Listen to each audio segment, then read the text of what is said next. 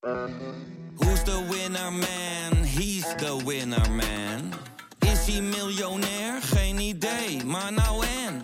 Je hebt geen jackpot nodig to be a winner man. Oh oké, dat is wel lekker man. Je rijdt dus door een oorlogsgebied op een, op een vellig, terwijl het keihard regent en overal pikdonker wordt. Nee, we durven niet te stoppen. En eh, ja, eh, Joep is nooit bang. Joep Vermans, de kamerman, die was nu ook echt bang. Via podimo.nl slash gonzo luister je de eerste 30 dagen gratis naar Podimo. podimo.nl slash gonzo. De burgeroorlog was dus al begonnen en de president ging naar de bibliotheek. Ja, om te lezen en bij te lezen. Daarbij kwam dat de militaire mensen om hem heen helemaal geen strategie hadden. Dus er was dus geen idee hoe gaan we nou dat zuiden aanvallen. Dit is Betrouwbare Bronnen met Jaap Jansen.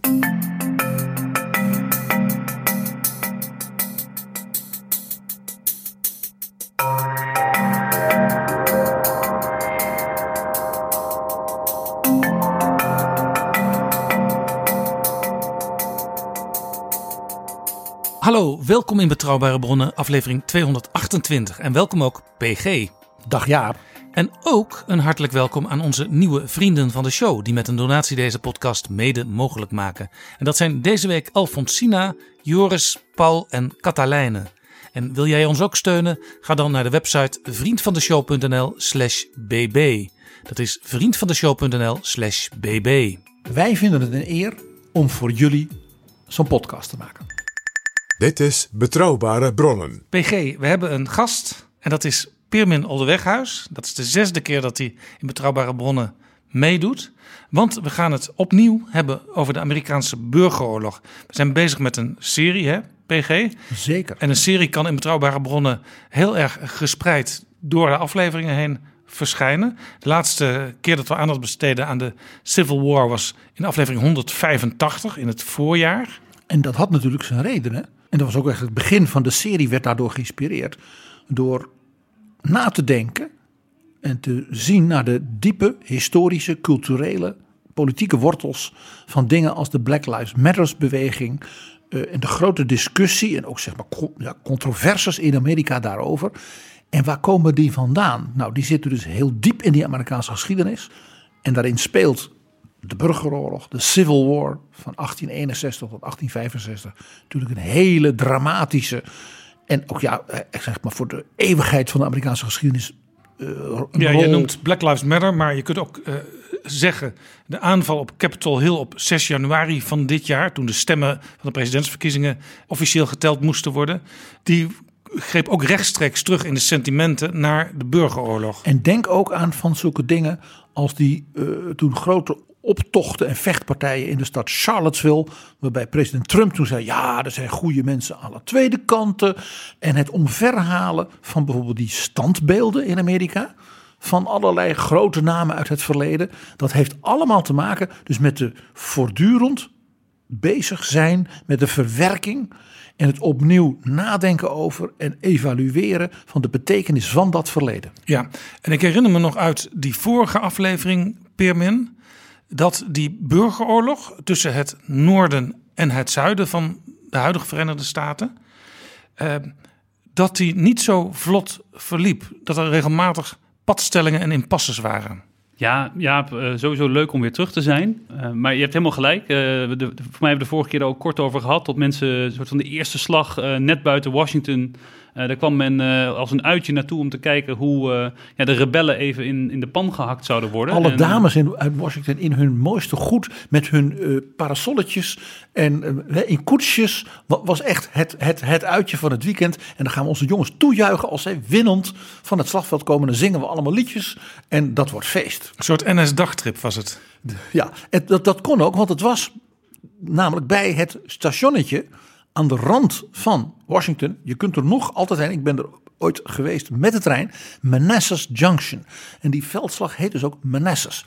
En je Zo zal zien, Confederates. En anders heet hij Bull Run. en Bull Run zeggen ze in het noorden. Ja. En Manassas Junction, het feit dat het dat spoorstationnetje was, overstap en ook voor transport aan de rand van Washington, is een eerste signaal dat dit een heel andere oorlog was dan alle oorlogen daarvoor. Misschien nog heel even in een paar zinnen.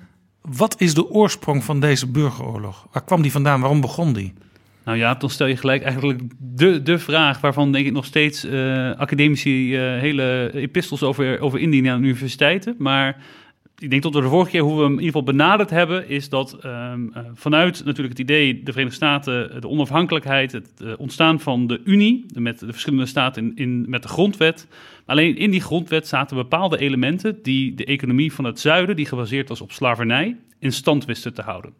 En eigenlijk zie je dat in de loop van de tijd het conflict over die, over die slavernij en vooral of die slavernij mag uitbreiden naar nieuwe staten die in het westen toe gingen treden tot de Unie, dat conflict liep steeds hoger op.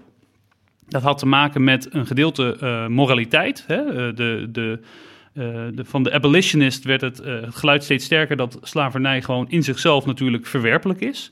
Tegelijkertijd zat er ook een heel erg praktisch politiek machtsspel zat er ook aan vast. Omdat door de verhoudingen hoe die vastgelegd waren in de grondwet, had het zuiden disproportioneel veel macht. Dus als het komt op afvaardiging, heel veel van de presidenten, ik kan nu niet even helemaal oplepelen, maar meer dan de helft van de presidenten kwam uit het zuiden. Nou, dat ging ook voor rechters in het Hoge Rechtshof, et cetera, et cetera, et cetera.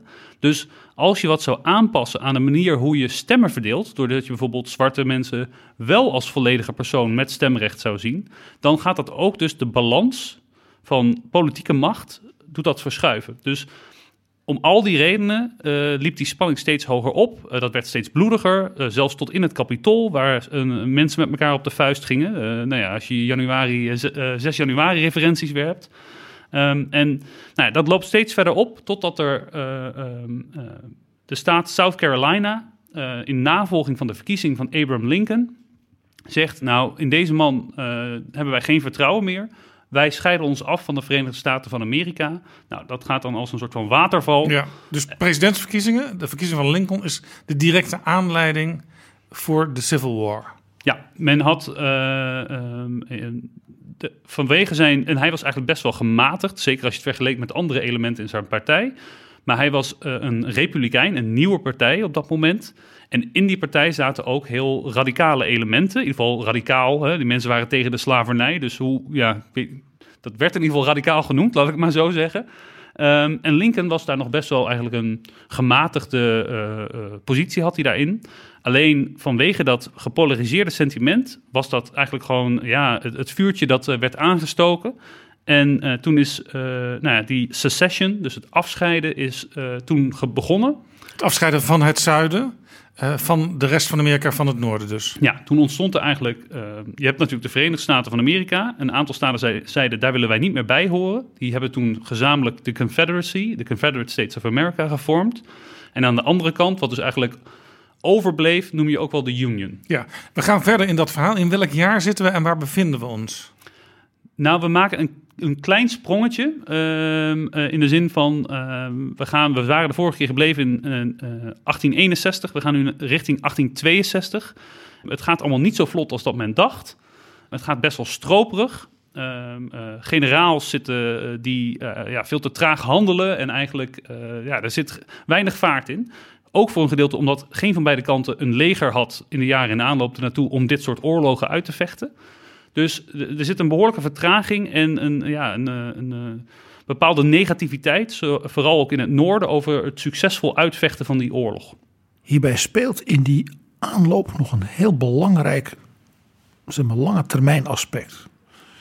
Men heeft heel lang gedacht, zeg maar in het begin van de geschiedenis van de Verenigde Staten, laat die planters en die aristocraten in het zuiden nou hun, hun, hun, hun prachtige buitenhuizen en die slaven, ja dat is niet mooi, is misschien ook wel niet eh, zoals onze lieve Heer het wil, maar dat sterft vanzelf af. Want met de moderne eh, economie, met de globalisering, met de handel, die vooral in het noorden zat, gaat dat zuiden met die suiker en die tabak, dat was toen, dat, dat gaat minder worden. Een soort libertair denken van eh, iedereen zijn vrijheid, zijn ultieme vrijheid. En vooral dus een En economische. de economie leidt ertoe dat het vanzelf stopt uiteindelijk. En wat gebeurde er? Dat is eigenlijk zeg maar na 1820, 1825 kreeg dat zuiden een enorme economische zeg maar, bloei. En die kon alleen door nog veel ergere, hardere slavernij. En dat was door de katoen. Dus door het verbouwen van de katoen en de enorme expansie ook op relatief zeg maar niet zo bruikbare plattelandsgronden, die bijvoorbeeld voor tabak of suiker niet zo geschikt waren, maar wel voor katoen, konden dus die planters ineens met een nieuw product op de wereldmarkt, namelijk voor de textiel, met name ook in Engeland en in Frankrijk, eh, heel rijk worden. Ja. Dus het, het werd ineens heel aantrekkelijk om nog veel grotere plantages te krijgen. Dus ook dat zuiden ging zich uitbreiden binnen het zuiden en ook over de klassieke grenzen van het zuiden. En dat werd dus een aantrekkelijk nieuw economisch model. En daarmee werd de slavernij dus weer een nog belangrijker machtfactor. In plaats van dat de slavernij ging afsterven. En eigenlijk dat vraagstuk van de slavernij eh, is, is, waar we net over hadden, een van de redenen natuurlijk waarom die spanning opliep. Maar je zou kunnen zeggen dat die oorlog tot dan toe ehm, is het nog niet zo dat de bevrijding van de slaven als doel van de oorlog gesteld is. Dus het gaat erom, er is een, rebellie gaande. Ehm, we gaan er alles aan doen om die de kop in te drukken, want we zijn één land. Dat was eigenlijk het, het uitgangspunt van Lincoln. Dus wat jullie doen is niet legitiem. Ehm, en daarom gaan we jullie bevechten. En ehm, ja, Lincoln van, hè, als ik het kan doen met door een paar slaven te bevrijden, dan zal ik het doen. Als ik ze allemaal moet bevrijden, zal ik het doen. Ja. Als ik niemand bevrijd, Ja. nou, vind ik het ook oké. Ja, dus zeg maar, de, die, die, die ethische kant die kwam erbij. Maar het ging vooral om de eenheid van de Unie te bewaren. En dus in, Lin- in, acht- Lincoln- in 1863 heb je dan het kantelpunt, omdat eh, het jaar daarvoor heeft Lincoln de Emancipation Proclamation aangekondigd. En wat hij deed is eigenlijk alle eh, zwarte personen die in het zuiden zouden zijn, en slaaf zijn dus, doorgaans in ieder geval, eh, die eh, verklaarde hij als een oorlogsmaatregel vrij. En toen was er dus officieel beleid ook om de slavernij eh, eigenlijk ten einde te brengen. Ja, en, maar hij deed het dus alleen in het zuiden, dus niet in het noorden en ook niet in staten die nog wel bij de Unie hoorden, maar waar het wat gevoelig lag. het is, onthoud het is een ook- oorlogsmaatregel. ook die Emancipation Proclamation van Lincoln. Waarmee hij natuurlijk de geschiedenis inging als een slavenbevrijder. Even heel cynisch. Hier zag je opnieuw de schipperaar, de polderaar, politicus Lincoln. Want hij zei, als dus de noordelijke troepen in zuidelijke provincies oprukken. En de zwarte mensen zeggen daar, dan zijn wij toch nu vrij? Dan is het antwoord ja, jullie zijn vrij. En jullie mogen dus ook dan de noordelijke troepen helpen. Dat was ook een onbelangrijk punt. Dan konden ze dus die zwarte bevolking ook organiseren. In plaats van dat die wild rondliep en honger en andere ellende. En dan zouden die troepen daar last van hebben. hè. Gewoon heel, heel logistiek moet je dat zien. Nou, je Dus weet de dus, zwarten, er staan dus potentiële bondgenoten die staan aan de andere kant van de grens. Ook dat, ook dat. Dus ze waren vrij omdat ze onder zeg maar, het gezag waren van de generaals van het noorden. Meer niet. Het was dus niet zo dat eh, bijvoorbeeld Lincoln tegen die generaals zei: jullie moeten opstanden gaan aanmoedigen van de zwarte slaven elders in het zuiden.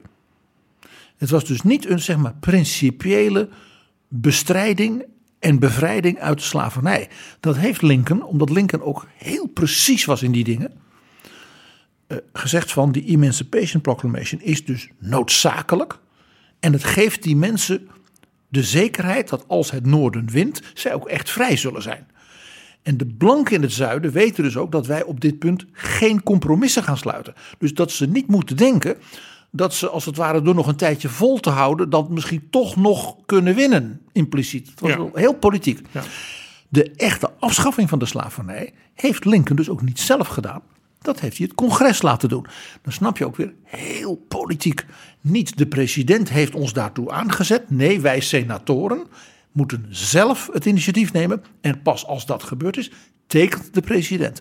Dus Lincoln heeft aangezet dat de Senaat de grondwet aanpaste en een artikel aannam dat dus de slavernij, die dus in de grondwet in feite was toegestaan, afschafte.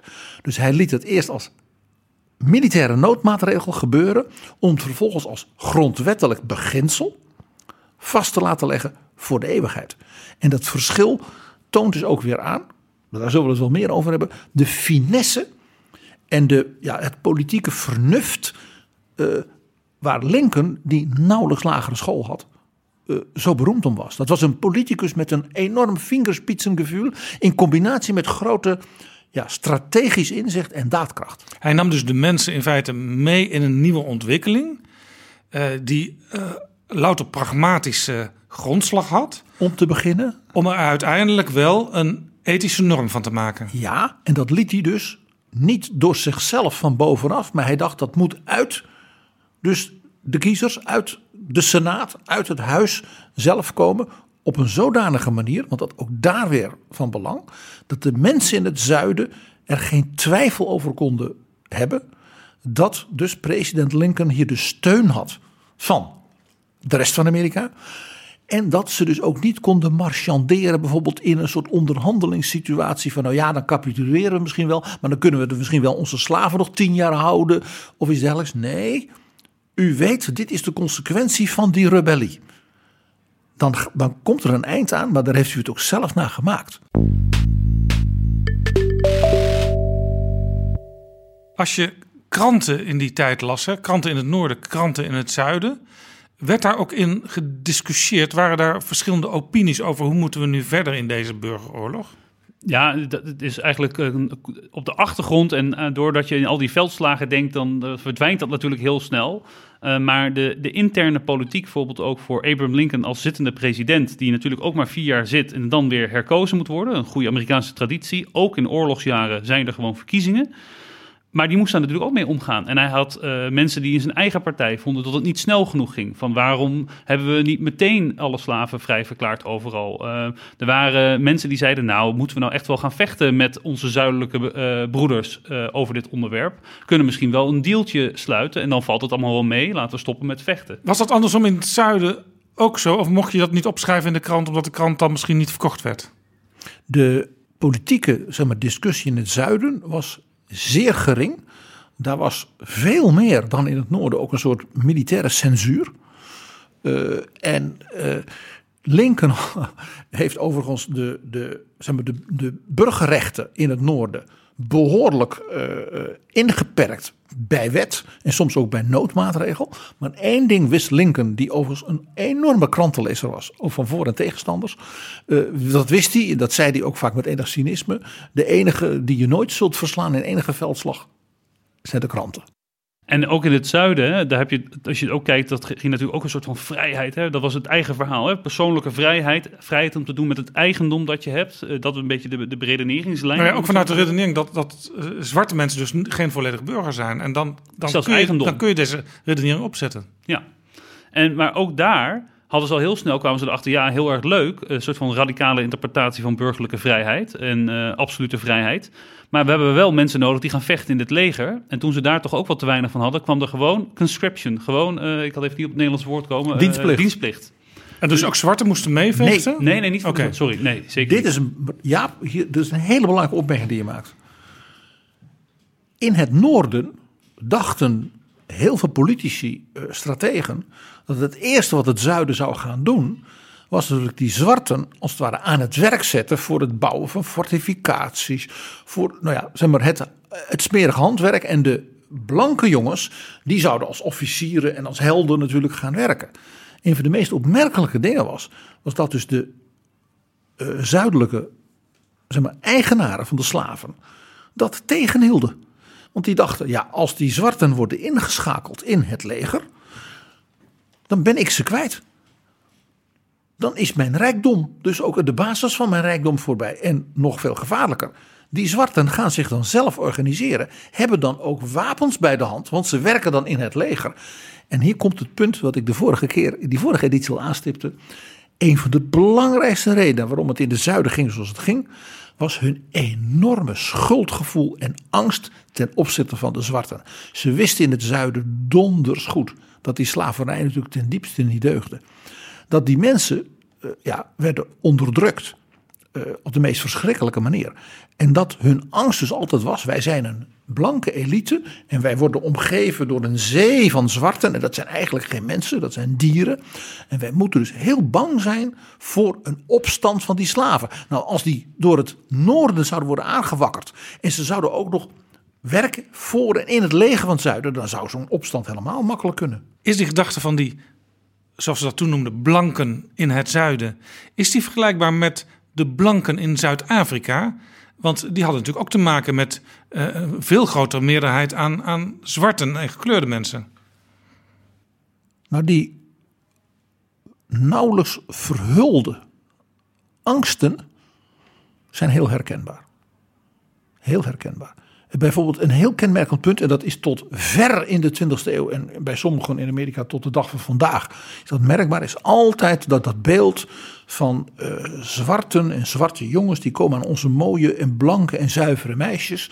dus, dus het vermengen van rassen, dat was dus, dat werd ook gezegd, dat mag niet van de Bijbel, dat staat ook nergens in de Bijbel.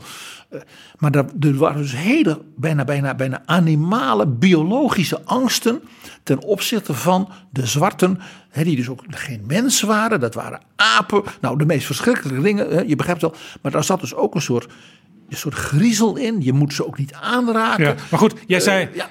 ten diepste wist men eigenlijk wel dat het ethisch allemaal niet in de haak was. Dat men onderdrukte. Natuurlijk. Alleen dat konden we toen, in die tijd, in de zuidelijke kranten niet lezen. Nee, absoluut niet. Er was, er was ook, eh, kijk, over president Lincoln werden ook de meest verschrikkelijke dingen natuurlijk in de kranten geschreven. Uh, hè, dat hoort natuurlijk ook bij de propaganda, zal ik maar zeggen. Uh, maar, heel eerlijk, ook in het noorden waren natuurlijk dit soort gevoelens niet onbekend. Sterker nog, in New York heb je op een gegeven moment dat vooral ook de armere klasse in New York. Uh, de hele, het hele idee van dat er dan zometeen ook vrije zwarte mensen zouden zijn, die dus ook weer voor dezelfde banen allemaal in competitie zouden komen. Dat heeft geleid tot echt bizarre praktijken in, uh, in Manhattan, waar uh, de soort van een, ja, een, een, een, hele groep, vooral voor mij Ierse Amerikanen, uh, door wijken zijn getrokken. En ook daar gewoon zwarte mensen hebben opgehangen, de Ja. winkels hebben vernield, Ja. et cetera. et De stad New York heeft in. Daar hebben toen de veteranen. Moesten toen naar de stad New York gaan om de orde te herstellen. Of sorry, Ja. de veteranen, gewoon de, veteranen, eh, de, de, de soldaten die nog Is soms ook waren. vergelijkbaar met, zeg maar, ehm, eh, als je de opinie nu peilt van eh, in Nederland mensen aan de onderkant van de samenleving, die zijn vaker tegen migratie dan mensen die hoger opgeleid zijn. En ook mensen die in eerdere migratiestromen zaten en inmiddels goed gesetteld zijn in, in de zoveelste generatie, die zijn ook vaak meer tegen migratie dan, dan sommige andere Nederlanders. Dus in die zin kun je ook dingen ook best wel vergelijken. Nou, kijk, wat hier speelde in New York toen was dat eh, president Lincoln, doordat het punt, we hadden natuurlijk al aangesneden, het gewoon helemaal niet goed ging met de noordelijke legers en met een lekkere snelle overwinning. Ze dachten dat het heel snel zou gaan. Ja, dus in 1862 en in 1863 moest president Lincoln dus eh, eh, ja, een soort militaire wetten afkondigen. Van ik heb nog 250.000, 500.000 nieuwe soldaten nodig. En ik ga dus eh, via de dienstplicht bijvoorbeeld de staat New York verplichten 70.000, de staat Ohio 40.000 en de staat Illinois 30.000. En de gouverneur van New York moest dan dus die soldaten werven. En dat leidde dus onder andere in, de, in Manhattan tot een complete volksopstand. Waarbij dus echt alle ruiten zijn ingegooid. Eh, eh, er zijn geloof ik van 150, 200 mensen omgekomen tijdens de straatgevechten. Dat zijn dingen die je natuurlijk in de, ik zal maar zeggen, de mooie verhalen over de burgeroorlog en Lincoln, de bevrijder van de zwarten, niet, al- niet allemaal hoort. Ja, en, en, en dat soort dingen in moet je het dus ook niet te vaak hebben, want dan, dan loopt het mis. Dan, dan is er niet genoeg motivatie meer aan jouw kant, aan de noordelijke kant in dit geval. En dat was denk ik dus ook een, een goed punt om aan te stippen dat het belangrijkste bijna was. Kijk, het zuiden was op het moment dat het noorden had gezegd: eh, jullie hebben je onafhankelijk verklaard, wij erkennen dat niet, dus wij gaan de orde herstellen. Dat impliceert een bepaald soort van actieve rol die je dan moet pakken, want je moet iets gaan herstellen. Het zuiden daarentegen, die werden dus daarna voor hun gevoel aangevallen. Dus wat krijg je dan? Die verdedigden eigenlijk op hun eigen grond hun eigen ideeën. En hun eigen cultuur en hun eigen En dan, ging sfeer. het, en dan ging het dus ook nog eens een keer, en dat was in het begin natuurlijk, het gaat om de Unie. We mogen de Unie, dit experiment mogen we niet verloren laten gaan. Daar komt het element natuurlijk van de bevrijding van de zwarte bevolking bij. Maar dat zijn natuurlijk best wel onderwerpen. Ja, moet je, hoe ga je soldaten motiveren vanuit het noorden om voor een soort van de Unie en voor eh, de Iets leven van zwarte slaven in Ja. het zuiden. Ja, echt naar veldslagen te stu- sturen waar soms 10.000 soldaten in vijf minuten Ja, eh, tegen de grond Want gingen. veel soldaten zijn natuurlijk ook, kan ik me voorstellen, primair inwoner van, van hun stad of hun staat. En minder van dat idee van de Unie. Eh, ja, in, in die zin, ze zijn, is natuurlijk ook allemaal georganiseerd. Hè? De, de, de Fifth eh, Illinois. eh, Het leger was opgedeeld in die staten, nu 50, toen nog wat minder, van de Verenigde Staten. Het soort nationaal leger wat je nu hebt, was er niet. Men had dus regimenten van Iowa en Michigan en Pennsylvania. En die, die tekenden dan bij voor drie maanden. En je had een hele kleine klasse, zeg maar professionele soldaten, die waren opgeleid. En dat was een hele dunne officiersklasse. Ja, het was dus in zekere zin ook een, een experiment om te kijken of al die regimenten die allemaal eh, regionaal, lokaal georganiseerd waren, of dat uiteindelijk wel samen goed werkte. Nou Jaap, daar wil ik iets over vertellen. Want dat was een van de grote problemen van president Lincoln meteen aan het begin van die oorlog. Hij kreeg eerst een grote golf van patriotisme. Wij gaan de eh, save the Union. Dus men tekende dan voor drie maanden hè, in New Jersey en Connecticut als soldaat. En dat was dus met muziek en vrolijk. En men kreeg allemaal een jasje, want de organisatie van het Noordelijk Leger was perfect. Het was, de, de machinerie ging heel snel, heel goed lopen. Dus er was een soort gevoel van: dit gaan we moeiteloos winnen. Dus iedere politicus in die staten, de gouverneur, de oud-gouverneur, de senator voor New Jersey, die liet zichzelf natuurlijk benoemen tot generaal van die regimenten van New Jersey. Want dat was natuurlijk goed voor je herverkiezing binnenkort. Dus Lincoln kreeg dus allemaal generaals, dat waren allemaal politici. Of eh, bankiers die dan politicus waren of eh, gouverneur geweest. Die natuurlijk niets van oorlog voeren wisten. Dus dat, daar moest hij mee dealen. Twee, die regimenten, ja, die kenden elkaar niet. Dus de coördinatie, zeg maar, de, de, de organisatie, zelfs van de aanvoer van eten. En Laat alles. staan gewoon de militaire training van de individuen in die regimenten. Dus dat leger van het noorden, dat was dus een heel groot leger. Maar bestond in feite uit allemaal hele kleine, ongecoördineerde segmenten. Die bovendien allemaal dachten, over drie maanden gaan we weer naar huis. Dus we sturen nu vast een brief van, eh, hè, ik heb een prachtig nieuw uniform en we drillen. En we worden geoefend. Ja, drillen is iets anders dan echt vechten, zal ik maar zeggen. En, eh, en over drie maanden hè, eh, zijn we weer terug. Als held namens de natie en eh, met, met blaaskapellen. Je ziet het voor je. En die generaals, dus die veelal politici, die dachten... I will be a hero. Ik word tot mijn dood herkozen als gouverneur of senator, want ik ben een held.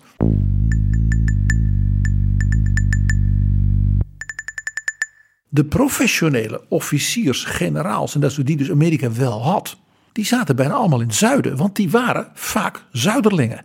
Dat waren mensen die dus uit die aristocratische cultuur van het zuiden, waarin dus eh, ja, ridderlijkheid en eh, een soort elitegedrag, ja, was daar gewoon al sinds de 17e, 18e eeuw.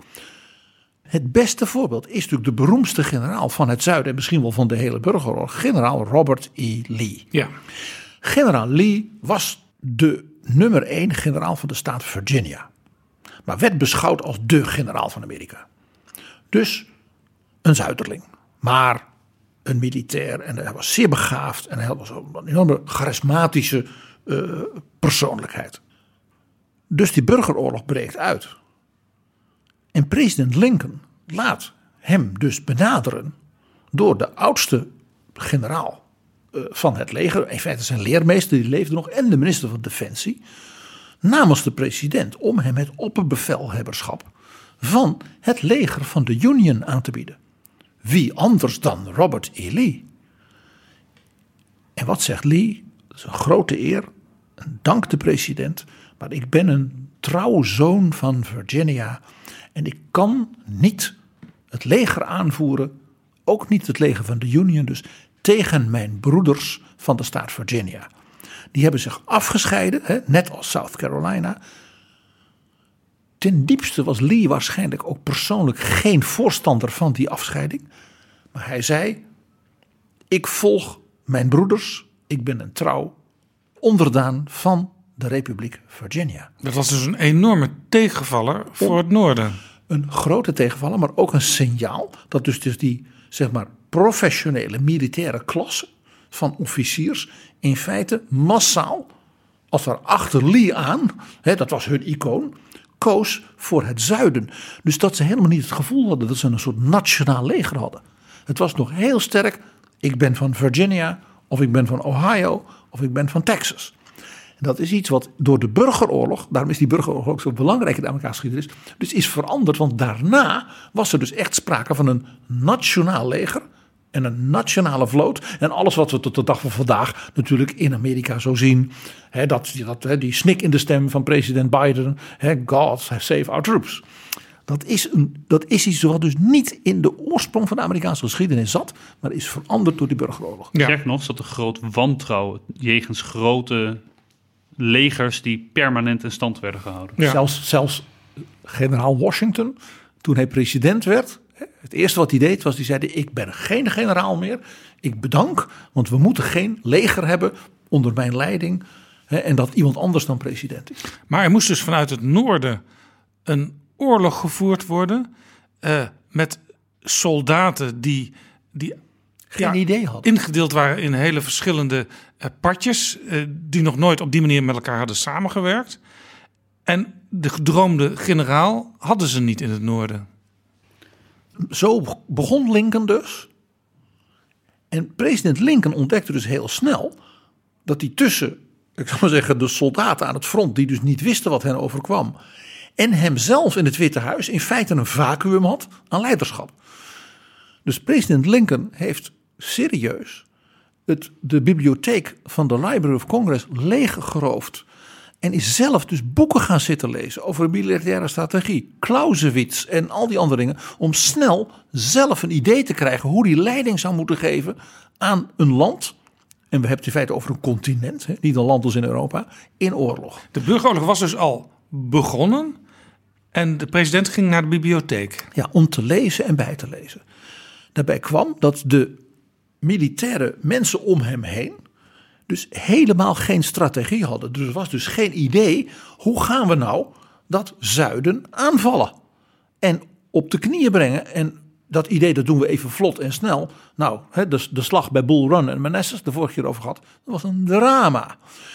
En waartoe het ook leidde was bijvoorbeeld dat legers in Virginia. Dus je kreeg eigenlijk op twee plekken had je, had je, werd er gevochten. Dus je krijgt een, een, een campagne eigenlijk meer in het westen van de Verenigde Staten. En dan moet je niet denken California, dat is te ver naar het westen. Maar de Mississippi rivier.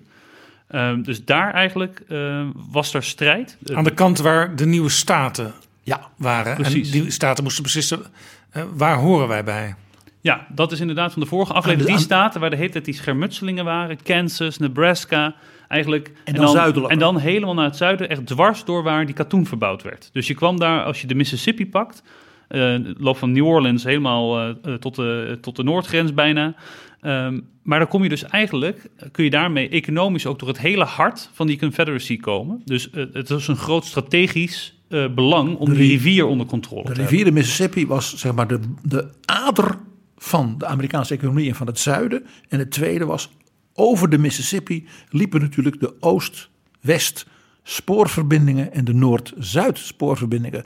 Dus steden als Cairo in het zuiden van Illinois, Vicksburg, Mobile. Dat waren dus steden, als je, als je die als het ware eh, kon lamleggen of innemen...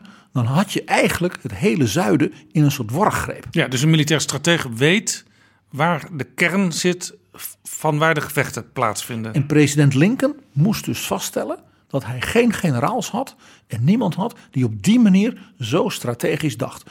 En de president van het zuiden, dus zijn tegenpresident, president Jefferson Davis, die had natuurlijk wel zo'n zeer strategisch denkende generaal. Je raadt het al, dat was generaal Lee. Ja. Want generaal Lee, die dus niet de opperbevelhebber werd van de Union, werd de opperbevelhebber van de staat Virginia. En president Jefferson was zo verstandig om natuurlijk Lee daarmee als het ware de aanvoerder te maken van het belangrijkste leger.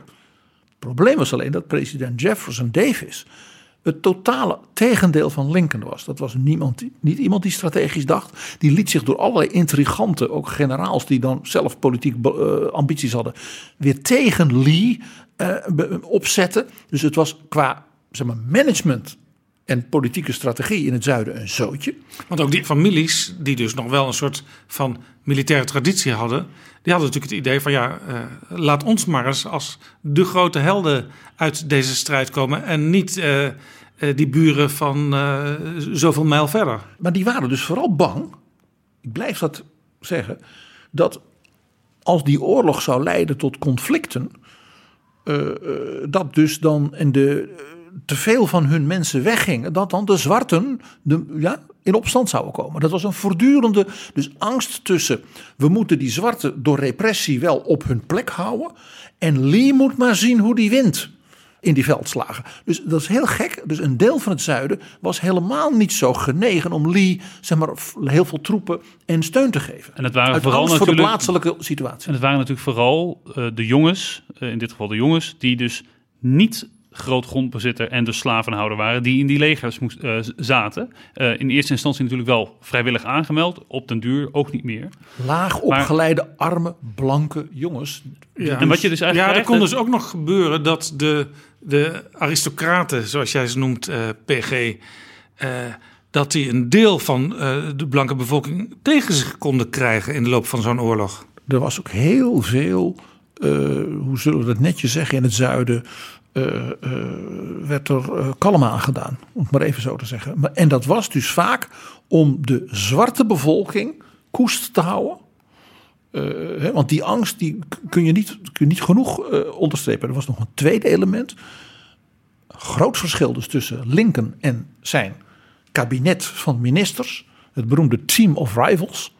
Lincoln had dus al zijn rivalen in de Amerikaanse politiek en in zijn partij om zich heen verschaard als kabinet, een soort van nationale eenheid. Wat heel goed kan werken.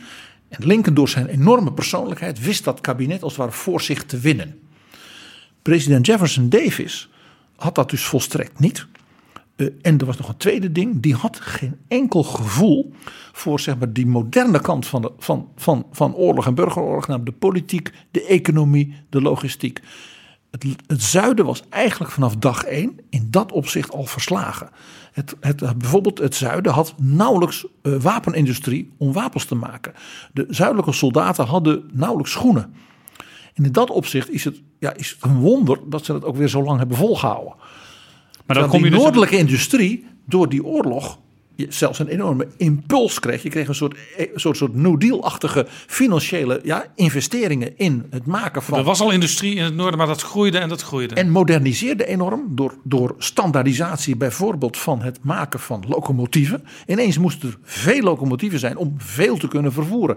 Dat had onmiddellijk in de jaren in de oorlog al, maar vooral ook daarna, natuurlijk enorme ja, innovatieve technologische effecten op die Amerikaanse industrie, die natuurlijk dat hele continent kon bestrijken. Dus die burgeroorlog had in het noorden ook nog een effect, heel apart, van eh, economische, technologische versnellingen. Dingen gingen nog sneller, nog flexibeler, nog beter. Terwijl in het zuiden door zeg, die, die, mag ik zeggen, rurale, hè, feodale cultuur... in feite het zuiden economisch nog verder achteruit ging. En de leiding in het zuiden zag die kant van die oorlog niet. Lincoln, ik zei al, iemand met een nauwelijks lagere school... een briljant intellectueel, moet je nu zeggen...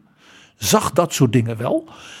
en merkte dus dat zijn generaals dat veel minder zagen. En dat was voor Lincoln dus een enorme uitdaging. En dan, dan krijg je dus eh, die westelijke kant, waar, eh, dus langs de Mississippi rivier, maar het hoofd, eigenlijk het hoofdschouwspel, om even zo te noemen, dat was natuurlijk eh, in navolging van eh, de Bull Run in het oosten, aan de oostkust. Eh, eigenlijk een beetje rondom de staat Virginia, richting Washington ja, D.C. Bull Run was een plaats waar een belangrijke strijd had plaatsgevonden. Ja, dat is de, die eerste slag waar de mensen kwamen kijken vanuit Washington D.C., eigenlijk aan de overkant van de rivier. Onthoud dat En Virginia, dat was- Vir- onthoud de staat Virginia, waar we het hier over hebben, is in feite, die begint in de buitenwijken van Washington. Washington is in feite een hè, District of Columbia, Ja. DC. Heette dat toen al zo? Ja, dat is in feite uitgesneden uit Virginia en een stukje Maryland.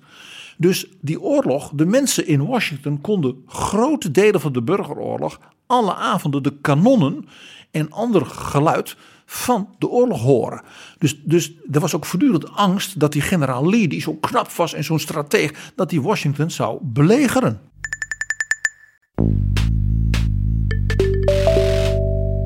Dit is Betrouwbare Bronnen, een podcast met betrouwbare bronnen.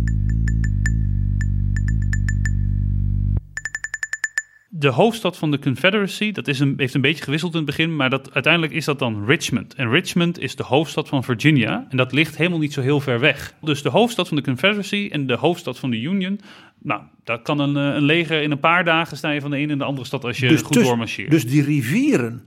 Dat liggen Dus- ook, daartussen liggen allemaal hele grote rivieren. De Rapidan, de Rappahannock. Dus de bruggen over die rivieren en die bossen tussen die rivieren. Daar werden elk oorlogsseizoen enorm gevochten. En, ja, en dat was voortdurend een padstelling. Ja, daar werd dus gevochten en er werd gevochten bij de Mississippi. Hoe, hoe ver lag de Mississippi van Richmond af? ja, duizenden kilometers. Er waren dus, Eh, dus hele verschillende slagvelden. Ja, dat had eh, in die zin. ehm, men kon daar niet eh, de legers even snel heen en weer verplaatsen. Dat was in het zuiden om, wilde dat nog net iets beter, omdat die, omdat die spoorlijnen die ze toen nog in bezit hadden, die liepen precies langs die route.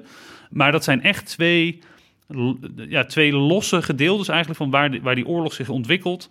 eh, die op een gegeven moment natuurlijk wel bij elkaar komen. Daar zullen we ook nog naartoe gaan natuurlijk. Ja. Ehm, eh, maar in, in principe in het begin eh, twee losse onderdelen zijn, waarbij dus eigenlijk General Lee vocht dus ook in Virginia, in het oosten. Dat, daar ging het eigenlijk om, dicht bij de hoofdsteden. Terwijl dat bij de Mississippi, daar zaten niet de topgeneraals, waren daar niet allemaal in eerste instantie naartoe gestuurd. En heel interessant, ook dus in de media van die tijd.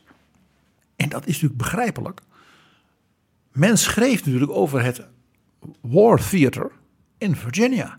Want de journalisten die zaten in, in Washington en die zaten in Richmond. En die gingen dan met hun koetsjes, net als die dames toen bij Bull Run, naar die generaals. En deden dus interviews. En die werden, omdat die generaals ook allemaal politici waren, hè, die werden dus beïnvloed. Dus zeggen, schrijf nou in de krant van mijn district in Ohio dat wij helden zijn. Hè.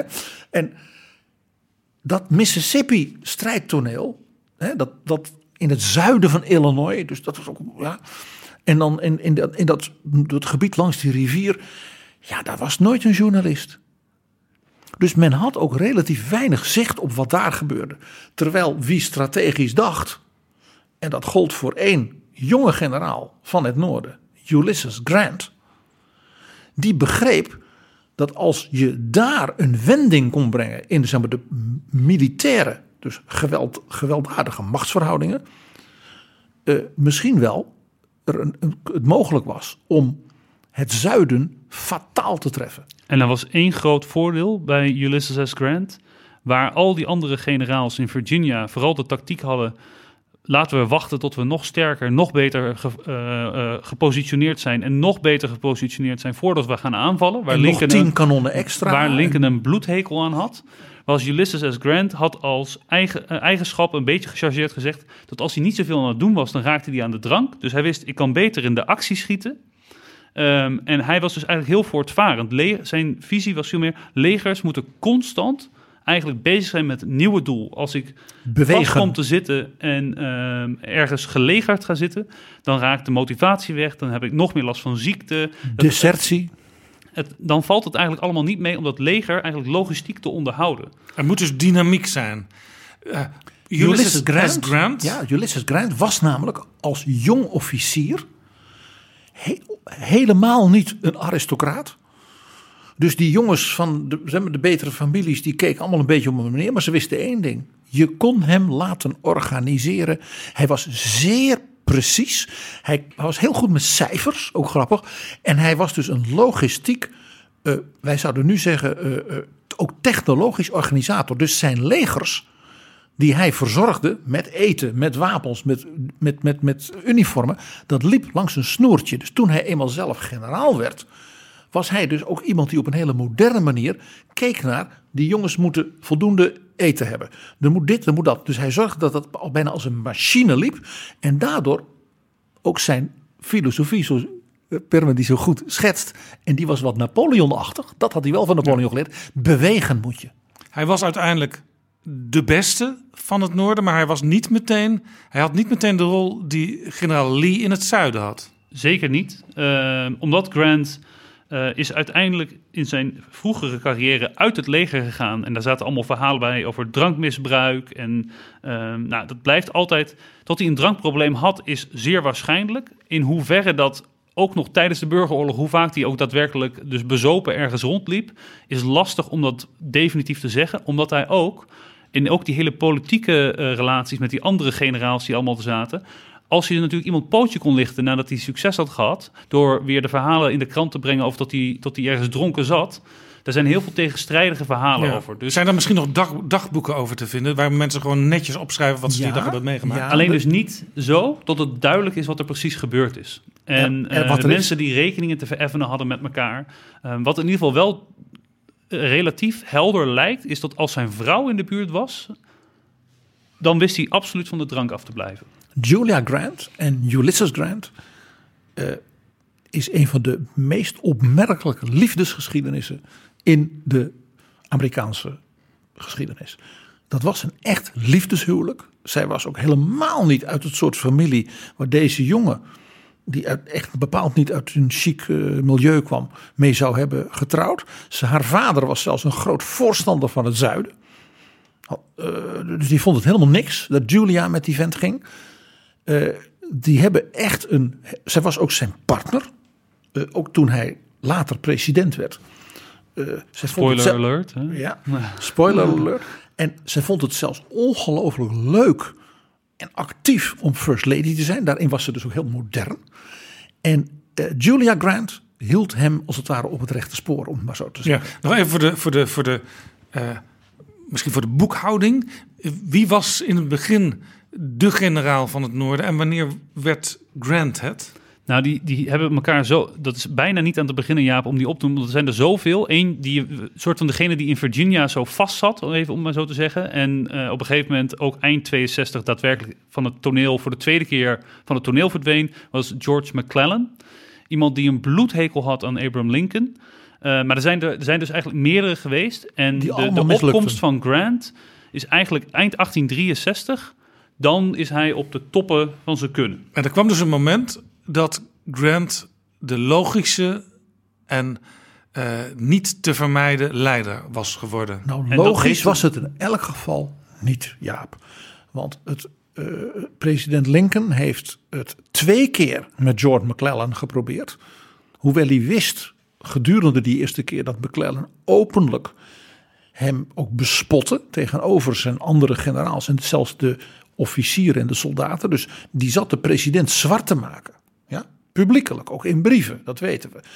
Eh, hij noemde hem onder andere de original baboon, de oorspronkelijke baviaan. En eh, hij, eh, hij had een soort klak om zich heen van bewonderaars. Het was ook een Hij charismatische vond man. zichzelf, eh, eh, de- als hij dan voor zijn leger stond te paraderen, wat dus niet in actie wou schieten, maar wel prachtig aan het paraderen was, dan vond hij zichzelf een soort van Napoleon. Hij dacht ook, als ik nu een slag win, dan, kan ik mijzelf, dan zou ik mijzelf wel als dictator kunnen uitroepen. Al zou ik dat natuurlijk niet doen, zegt hij dan natuurlijk ook. Dat zit in die correspondentie van hem. En zijn, zijn, zijn vrienden, zijn bewonderaars noemden hem de Little Napoleon.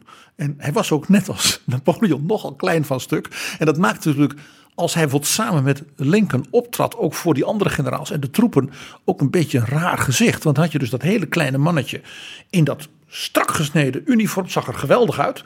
En dan had je daar dus die enorme lange man. Ja, met die ook nog die hoge hoed die hij altijd droeg. En die hele lange armen en benen. Ja, dus dan zei ze, ja, het net een gorilla. Hè, dus dat foute grappen over Lincoln werden er gemaakt. Nou, ondanks dat probeerde Lincoln het met McClellan. Want hij zei, ja, het is wel een hele goede organisator. En de soldaten geloven in hem. Dus Lincoln vernederde zichzelf. Dat moet je ook even als president. Omwille van de soldaten en het krijgsgeluk. Nou, dat ging niet goed. Dan had je generaal Halleck. Had je, dat was een soort inspecteur-generaal van de krijgsmacht. Nou, die zat vooral te intrigeren. Was wel een hele goede bureaucraat. Eh, en dan had je nog generaal Hooker. En de een na de ander die dus tegenover Lee dus de pan ingehakt werd. En toen heeft dus Lincoln op een bepaald moment gezegd: jullie kunnen allemaal de boom in. Jullie zitten allemaal nare dingen over die Grant te vertellen. Dan komt dat beroemde moment dat ze dan zeggen: ja, maar Mr. President, hij drinkt en dit en dat en zus. En hij heeft. Hij is eh, nogal makkelijk dat soldaten sneuvelen. Hij komt niet op voor zijn jongens. Dat was ook zo'n verhaal. En toen heeft Lincoln een keer in wanhoop tegen zijn mensen gezegd: It may well be that General Grant drinks. But I can't spare him. He fights. Dus de weg van Grant naar dat, dat opperbevelhebberschap, dat is best wel eentje geweest van eh, vallen en opstaan. Ook nog dus tijdens die burgeroorlog. En ik denk wat een mooi punt is om, om, om te pakken nu, is eh, de slag bij Shiloh. En de slag bij Shiloh is dus ehm, is nog niet aan de Mississippi rivier, maar aan de Tennessee. Ligt er al wel in de buurt. Dus het is in het westen. Dus waar je dus in het oosten een beetje, nou ja, hè, eh, het niet echt wil vlotten. In welke Eh, staat ligt Shiloh? In Tennessee.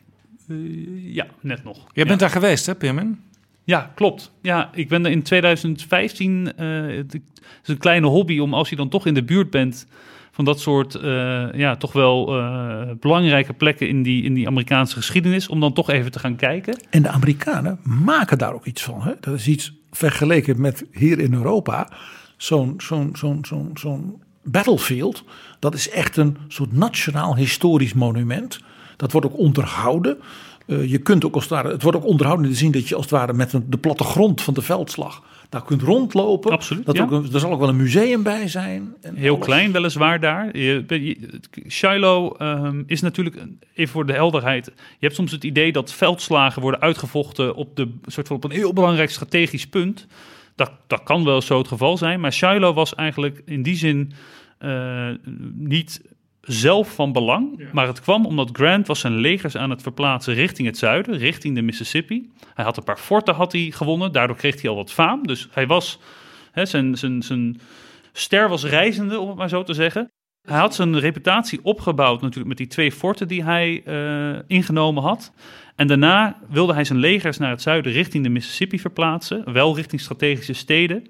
En ehm, eh, op het moment dat hij daar aangeland is, krijg je eigenlijk tot ook het, het leger van de Confederacy op het punt waar hij aangeland is, daar ontstaat de veldslag. Pittsburgh Landing, Shiloh, eh, wat grappig. Ja. eh, is eigenlijk gewoon waar ze elkaar tegenkwamen. Exact. Ja, daar, eh, daar ontstond het. En die slag heeft nog fundamenteler het besef doen indalen dat er heel veel mensen zouden sneuvelen in de burgeroorlog om het tot het einde uit te vechten. Dus de commitment die het zou vragen van het noorden om het zuiden op de knieën te kunnen krijgen, zou enorm moeten zijn. Want in Shiloh zijn ze, eh, in de twee dagen van Shiloh waren de bloedigste dagen ooit die een Amerikaanse leger heeft meegemaakt. Dus de, Dat was dus een moeilijk moment, niet alleen omdat er daadwerkelijk ter plekke gebeurde, maar ook omdat in de hoofden van eh, de mensen uit het noorden doordrong. Dit wordt een hele zware strijd. We moeten heel veel offers brengen. Dit was, dit was de, Jaap, je bent bijna te vroeg. Tot dat moment had men geen idee.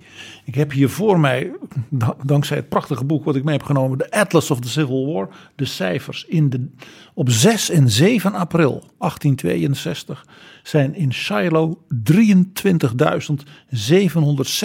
mannen gesneuveld. Dus aan de noordelijke en de zuidelijke kant.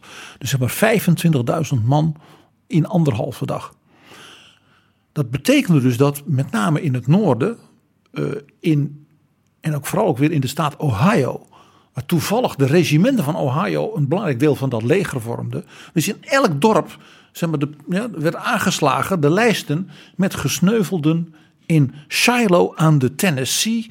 Bij het kerkje Shiloh, want dat was een kerkje waar gevochten werd. Bij Pittsburgh Landing, dus daar was een landplaats voor de stoomschepen die langs de rivier over de Tennessee reden.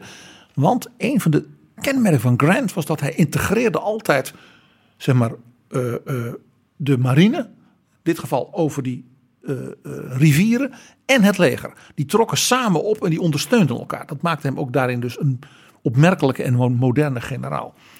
Maar die mensen hadden dus geen idee dat daar dus tienduizenden ja, namen werden aangeslagen in zo'n staat Ohio.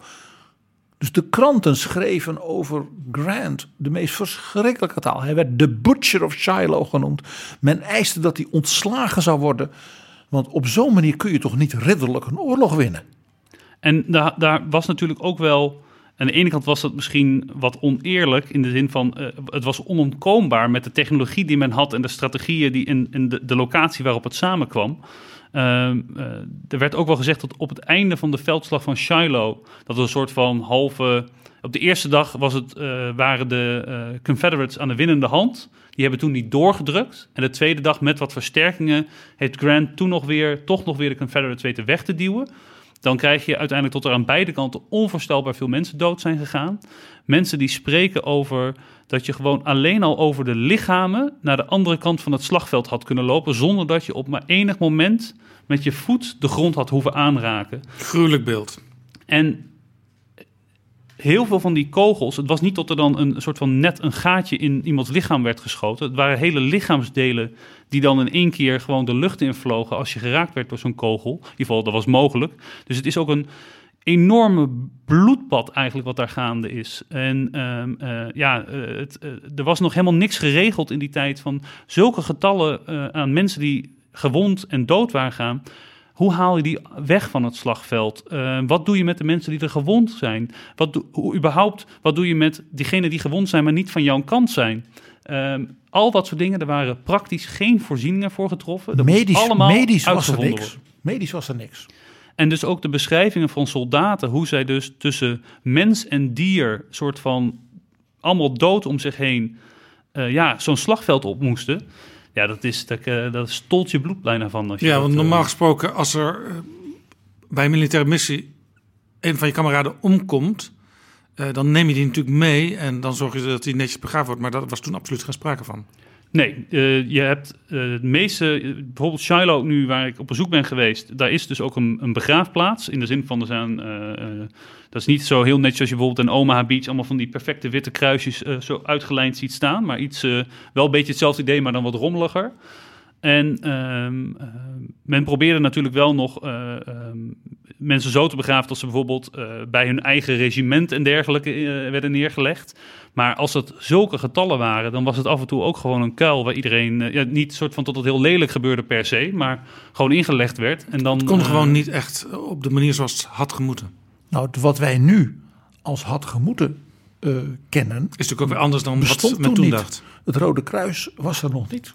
Maar wat je dan eigenlijk hebt, heel belangrijk op dat moment, is het idee dat, dat het een hele lange oorlog gaat zijn die vooral draait om wie heeft de langste adem. En tot het heel veel slachtoffers gaat eisen. Dat idee daalt eigenlijk in met Shiloh. En dan, ehm, eh, maar wat het, waar het wel toe voor zorgt, ondanks dat het niet een afgetekende overwinning is, en de kritiek weer op Grant, die daardoor in die opmars richting, eh, die, die je dus gaat zien, richting tot hij dus toch wel de leider wordt van dat gehele leger, een soort van weer een deuk krijgt, ehm, is dat hij wel verder kan. Dus eh, zijn leger trekt verder op en dan kom je eigenlijk, en dat is hetgene wat, wat we denk nu nog mooi kunnen uitlichten, in 63 twee slagen, of twee slagen. Eén is een belegering van de stad Vicksburg. Dat is waar Grant verder naar het zuiden is gegaan. En aan de Mississippi rivier, dat was eigenlijk het enige punt nog aan die hele Mississippi. Men had ook van de onderkant via, via eh, de Golf van Mexico had men New Orleans weten te, te pakken. Alleen Vicksburg was nog een, een soort van ben ik trouwens ook op bezoek geweest om even het hele lijstje af te, af te vinken. Heb je een soort van grote eh, rotspunt boven de Mississippi, waardoor je heel goed naar beneden kunt kijken. En dat punt was het enige dat nog in het handen was van het zuiden. Dus het zuiden zat in de tang. Ja, en je ziet dus wat Grant hier doet, precies wat Perman vertelt. Die denkt dus strategisch. Ik win in Shiloh, onder andere door met die stoomboten die rivieren, zoals de Tennessee, als het ware in de greep te krijgen. Zodat dus het zuiden daar niet meer kan, ja, dingen kan vervoeren. Dus economisch als het ware de greep ook op het zuiden daardoor toeneemt. Hij zorgt ervoor dus dat vanuit New Orleans de troepen ook weer door een combinatie met de marine naar het noorden gaan over de Mississippi. En hij komt, hij gaat van noord naar zuid, naar Vicksburg. Komt daar dan aan, doet dan een, voor de liefhebbers van militaire campagnes, briljante zet. Door namelijk zijn leger weg te halen bij Vicksburg. En de oprukkende legers van het zuiden uit elkaar te jagen. Die als het ware op weg waren om Vicksburg te bevrijden. En die jaagt hij zo weg dat hij heel snel weer terugkomt voor Vicksburg. En dus de, het, zeg maar het, het, eh, de fortificatie van Vicksburg en de soldaten, de 20, 30.000 mensen die daar zaten, dus begrepen dat ze niet meer bevrijd zouden worden en dat ze alleen waren. Die operatie heeft de naam van Grant als militair stratege gemaakt. Die wordt nu nog, als ware op alle academies, wordt dat je uitgelegd hoe dat werkt. En dan, ja, dan zit er maar één ding op. Dat is dus dat laatste plek aan de Mississippi die het zuiden nog vast heeft. Belegeren, maandenlang. Ook dat weer typisch Grant. Technologisch, logistiek, volhouden, volhouden, volhouden. En daarbij zie je hier iets heel iets bijzonders, wat echt iets is van deze burgeroorlog in Amerika. Het was de eerste industriële, zeg maar, technologische oorlog van de moderne tijd. we hadden het straks over McClellan, die zichzelf zag als Napoleon. Maar hier bewees eigenlijk Ulysses Grant dat hij in het voetspoor van Napoleon kon treden qua eh, strategische denkkracht. en daadkracht. Dat hij dus ook zelf dat niet alleen zag, maar ook het zo organiseerde. En zijn soldaten, in dat opzicht ook weer net Napoleon. Ja, grappig dat je dat schiet nu door. Zijn soldaten liepen en holden, holden voor hem. Want hij liep in een meestal wat afgesleten jasje, zonder allures. Bij zijn soldaten was hij altijd gewoon in zijn tent. Maar wel altijd met die sigaar en koffie de hele dag. Want ja, dan had je geen drank. Hè? En dag en nacht bezig, bezig, schrijven, plannen. Hè, dat logistieke was bij hem altijd dominant. En daarom paste hij dus bij dus die nieuwe, wij zouden dus nu zeggen, moderne oorlogsvoering. Dat was bijna meer het toepassen van kennis, van data, van snappen hoe de logistiek in elkaar zit. Hij was bijvoorbeeld de eerste die begreep dat je de spoorwegen over zo'n continent als Amerika moest snappen en coördineren en managen voor het verplaatsen van complete legers. Zodat hij bijvoorbeeld tussen eh, de Mississippi en Virginia en plotseling ineens een inval van het zuiden rond Chattanooga eh, hele legers ging verplaatsen en vooral ook dus kanonnen, eh, munitie, eten, uniforms. Dat zat in die man. Dat had hij natuurlijk geleerd al als jong officier. En dat ging je nu toepassen als eerste op het niveau van een compleet continent. En hij had, en dat was ook ehm, eh, bij Grant, denk ik iets belangrijks om, om, om nog mee te nemen. Dus je hebt die belegering van Vicksburg. Is dat hij stond er bekend om, zijn nickname, zijn initiale US Grant, was Unconditional Surrender Grant. Dus oftewel, als wij je belegerd hebben en je gaat eh, dan, nou, dan krijg je een witte vlag omhoog van, nou, we willen wel eens even onderhandelen over hoe we hier weg kunnen lopen zometeen. Eh, dan kwam er gewoon, eh, en dat was natuurlijk ook nog een beetje van dat aristocratische, twee legerleiders die met elkaar soort gaan overleggen van hoe je dat nou kunt afsluiten, zo'n belegering. En dan kreeg je gewoon een briefje terug, I have only one term, it's unconditional surrender.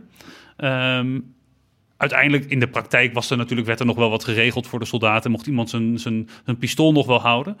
Dat sloot ook heel erg goed aan bij wat Lincoln niet had in het oosten, maar heel erg graag wilde. Actie, actie, actie. En een bepaalde onverzettelijkheid als het aankwam ook meer met de politieke motieven van die oorlog.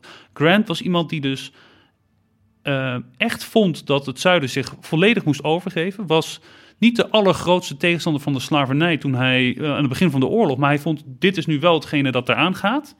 Eh, en daar hebben jullie voor gekozen. En je zit maar op de blaren als we, als we je militair weten te pakken. In die zin dacht Grant hetzelfde als, als in het zuiden Lee. Ik ben militair, ik heb een opdracht gekregen en ik moet hem zo optimaal mogelijk eh, verwezenlijken. Ja, Los van de politieke achtergrond. Maar hij was wel, want op zich eh, onder de, onder de legerleiders van, van, van het noorden was er af en toe nog wel wat discussie over bijvoorbeeld zo'n Emancipation Proclamation en wat te doen met zwarte soldaten. En Grant was daar ook vanuit zijn geschiedenis in Mexico, waar hij ook al veel meer inlevend was met de mensen die daar woonden, die dus niet wit waren, wel als een gelijke te zien, in ieder geval in bepaalde Ja. mate voor maar hij, zijn werk- tijd hij werkte natuurlijk gewoon voor eh, Abraham Lincoln. Dus dat was gewoon een, een opdracht die hij moest uitvoeren. Hij was Maar hij zat wel duizenden kilometers verderop. En het, was, het zou niet de eerste generaal zijn die niet zou doen wat Lincoln had gevraagd dat hij zou moeten gaan doen. Lincoln had alleen maar ellende met zijn generaals. Daarom dat hij zo blij was met, toen hij dus Ulysses Grant ontdekte. Nee, er is nog een heel interessant detail uit het leven van Grant. Hij heeft eh, door ook. eh, doordat zijn carrière nog niet bepaald over rozen ging. En dus ook eh, zijn, nou ja, zijn, zijn, zijn problemen met de drank. Eh, is hij bevriend geraakt met een jonge predikant.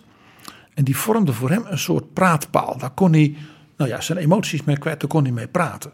En die heeft hij, toen hij eh, dus naar de Mississippi oprukte met dat leger, bij zich geroepen.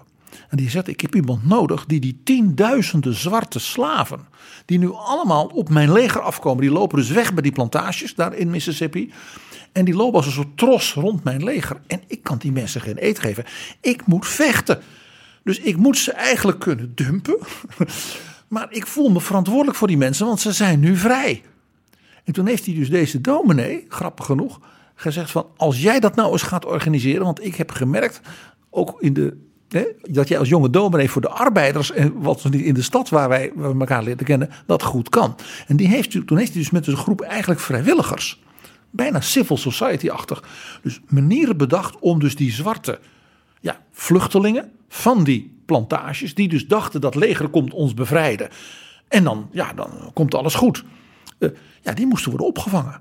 En dat was dus typisch iets van Ulysses Grant. Hij dacht dus ook heel weer heel logistiek. Wat kan ik doen om die mensen op te vangen? En dat mijn soldaten er geen last van hebben bij de opmars. Of dat, ja, dat hun eten, als het ware, door die zwarten moet worden opgegeten. Dan zeggen die soldaten, ja, wat, wat krijgen we nu? Nou, deze manier van, ook weer dat strategische denken, ook in dit soort dingen, maakte hem dus zo bijzonder. We zijn dus nu gekomen op het moment in de Amerikaanse burgeroorlog dat het noorden echt succes aan het krijgen is. Ja, in het westen zie je langzamerhand kleine succesjes komen. Die Mississippi, eh, eh, ja, daar komt steeds meer druk op staan. Eh, Vicksburg onder belegering.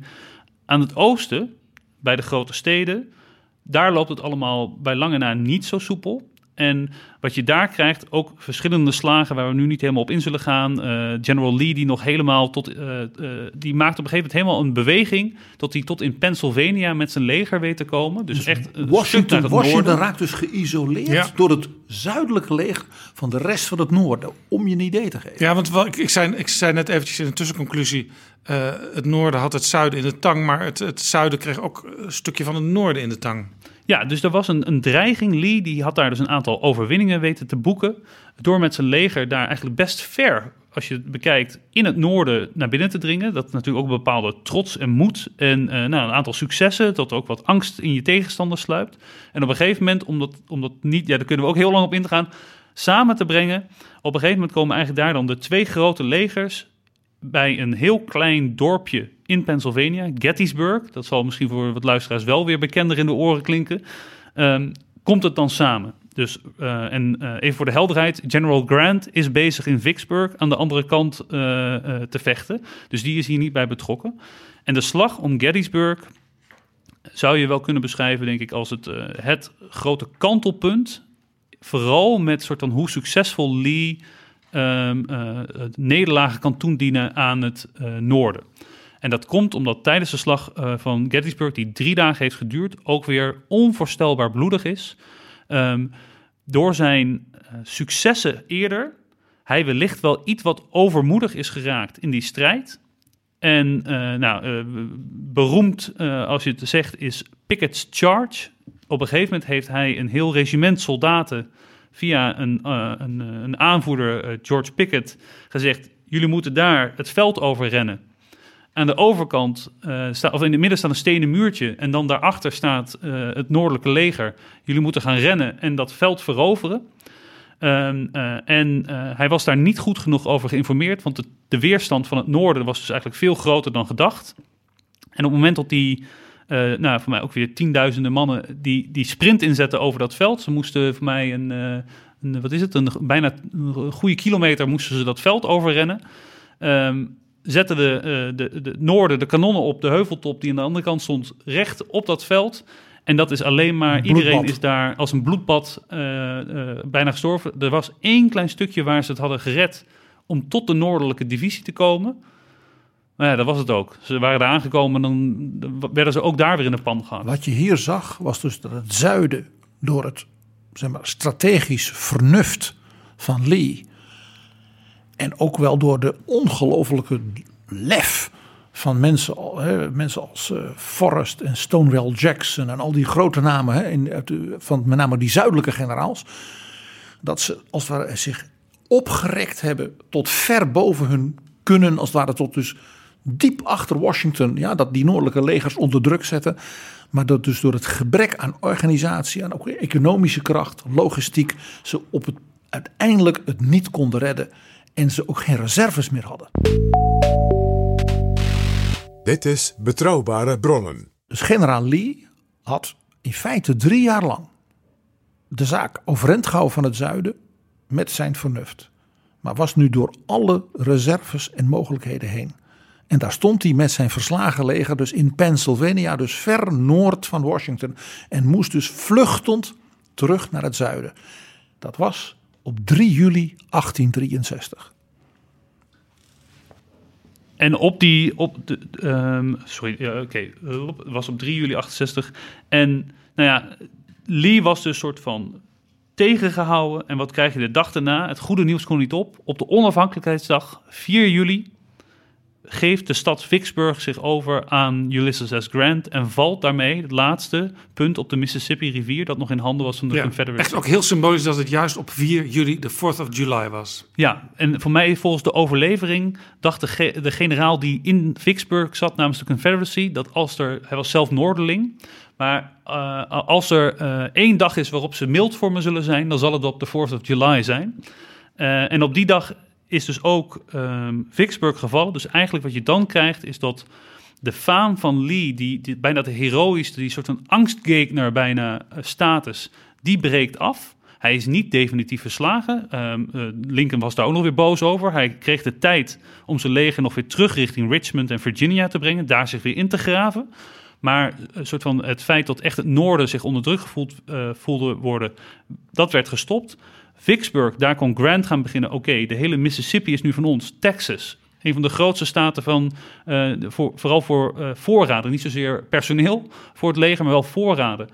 Afgesneden van de rest van de Confederacy. En Dus vanaf het dat zuiden was in, in kon die feite doorgaan. in tweeën gespleten door Grant. Doordat hij nu de hele Mississippi had. En hij als het ware als een, met een soort worggreep. Langzaam konden ze het zuiden nu als het ware helemaal fijn malen. Ja? Dus, dus, dus uit- uithongeren ook. Want ook dat soort dingen speelden. Er was dus geen verkeer meer mogelijk over de rivieren en over die spoorwegen. En dat is voor de volgende keer. En ik denk wel, om, misschien om mee te eindigen, Jaap, als ik, als ik een voorzetje mag doen. Want op, bij Gettysburg weer, waar we net ook over hadden bij Shiloh, omdat er zoveel mensen dood zijn gegaan, is daar een nationale begraafplaats eh, gecreëerd, al in datzelfde jaar. En eh, ehm, eh, ook als je er nu naartoe gaat, is ook zeer de moeite waard. Je ziet overal van die kleine monumentjes op dat slagveld staan. En dan kun je opzoeken waar Pickett's Charge was. En dan staat er iets voor de 5th Illinois. En nou, die begraafplaats zelf, dat was natuurlijk de bedoeling totdat, nou, daar werd een mooi woordje gezegd eh, door de president. Dat was Die- een monument. En die, die graven moesten natuurlijk nationaal worden gewijd. Dus Abraham Lincoln kwam naar Gettysburg, Op 19 november. brak daar een speech uit die wij nu nog kennen en die nog vaak ook genoemd wordt in de geschiedenisboekjes als de Gettysburg Address. Ja, en dat is, eh, als je het even wat persoonlijk sentiment, ik denk dat dat misschien wel de mooiste politieke speech is die ooit geschreven is. Vooral omdat hij zo kort is en heel fundamenteel weet te vatten in, eh, voor mij iets wat twee minuten duurt, waar de oorlog om gaat, wat het betekent dat je oorlog met elkaar maakt en wat er wat uiteindelijk het doel is wat je nog probeert te bereiken. Eh, en nou ja, goed, misschien, misschien moeten we er gewoon maar naar gaan luisteren als, als einde. Het verhaal is heel bijzonder. Lincoln is met de trein van Washington naar Gettysburg gegaan. Met zijn staf. En had de middag voordat ze weg zouden gaan. Ze hebben op papier alvast wat aantekeningen gemaakt. En hij heeft dus in de trein veel foute grappen zitten maken. Waar hij erg van hield. En boerenverhalen en dit en dat en dat. En op een bepaald moment zagen dus die stafmedewerkers van hem. Ze zagen zijn geestels waren even eh, wegwandelen. En dan zagen ze hem verstillen. En toen ging hij nog weer even apart zitten. Toen heeft hij weer wat dingetjes zitten opschrijven. En toen zei hij, ik heb wel een ding, maar ik hou het kort. Daar kwam ook dat er een andere spreker was, meneer Everett. Dat was een hele beroemde spreker. En die hield dus een grote nationale toespraak van ruim twee uur. Daar hebben we het eens een keer over gehad in Betrouwbare Bronnen, herinner ik mij. En toen stond Abraham Lincoln op en die ging dus die woorden spreken die hij dus had zitten doedelen zo in die Ja, trein. ja. En dat zijn 279 woorden. Een heel slechts. compact verhaal dus eigenlijk. Eh, jij zei al, Peermin, eh, dat het een, een, een soort voorbeeldspeech is ook voor latere presidenten. Ik kwam ook een eh, performance tegen van deze speech door Barack Obama. Die, die speelde dus ook met dat soort historische eh, belangrijke woorden en zinnen. Iedere Amerikaanse scholier leert deze Gettysburg Address uit zijn hoofd. Dat hoort bij je lessen, zeg maar nationale geschiedenis, maar ook bijvoorbeeld je lessen debating, speeching, zoals Amerikaanse scholieren dat veel meer dan hier meekrijgen op school. Er is geen originele opname uiteraard eh, van eh, Abraham Lincoln zelf. Maar welke opname zullen we beluisteren, Peermin? Nou, PG, die, PG en ik hadden hier voorafgaand even een soort van uitwisseling van eh, allemaal... van wat zijn nou de opties, hè? En je noemt zelf ook al Ba- Barack Obama. Ehm, maar er is een, een, een hele... Nou, ik vind dat eh, een hele mooie eh, serie over de burgeroorlog, gemaakt door Ken Burns. Die heet ook The Civil War. Is voor mij acht delen, kun je je tien uur aan vergapen. Met allemaal fotomateriaal en voice-overs kan van hem Morgan niet Freeman. genoeg aanbevelen. Ik heb eh, toen hij voor het eerst, volgens mij in de jaren tachtig, in Ja, Amerika op de 1990 tv kwam. Ik heb zelfs het, het boek wat erbij hoort met al die foto's en nog veel meer documenten erbij gekocht. Het is magnifiek wat Ken Burns daar gemaakt heeft. Maar in die, in, in die serie is, wordt natuurlijk ook aandacht besteed aan, aan deze speech. En ik, ehm, omdat hij dan zo'n mooi eh, muziekje zit er dan ook onder. Ik denk dat dat wel een mooie weergave is eh, om, om te beluisteren hier aan het einde. En ehm, eh, een beetje de, de, het, zwaarmoedige gevoel ook wel weet over te brengen, denk ik. Van, eh, van Laten we luisteren naar de Gettysburg Address. Fourscore and seven years ago, our fathers brought forth upon this continent a new nation, conceived in liberty and dedicated to the proposition that all men are created equal. Now we are engaged in a great civil war, testing whether that nation or any nation so conceived and so dedicated can long endure. We are met here on a great battlefield of that war. We have come to dedicate a portion of it as a final resting place for those who here gave their lives that their nation might live. It is altogether fitting and proper that we should do this. But in a larger sense, we cannot dedicate, we cannot consecrate, we cannot hallow this ground. The brave men, living and dead, who struggled here have consecrated it far above our poor power to add or detract. The world will little note nor long remember what we say here, but can never forget what they did here. It is for us, the living, rather to be dedicated here to the unfinished work which they have thus far so nobly carried on. It is rather for us to be here dedicated to the great task remaining before us, that from these honored dead we take increased devotion to that cause for which they here gave the last full measure of devotion.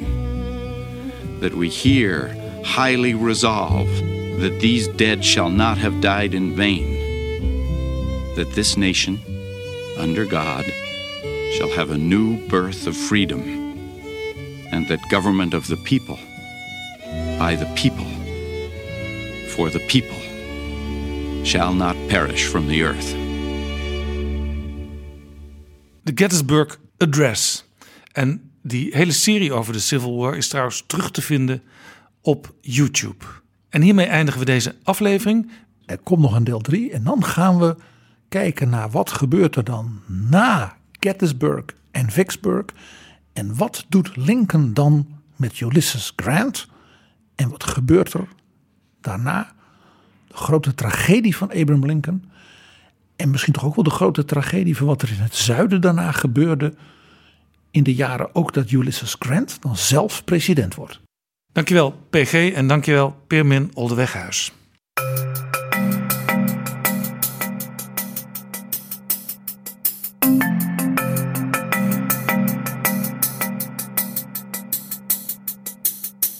Zo, dit was Betrouwbare Bronnen aflevering 228. In de beschrijving vind je onder meer een link naar de televisieserie The Civil War.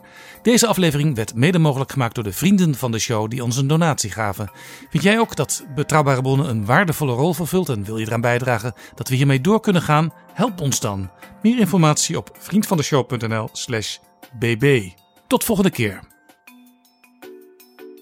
Betrouwbare bronnen wordt gemaakt door Jaap Jansen in samenwerking met dag en nacht.nl.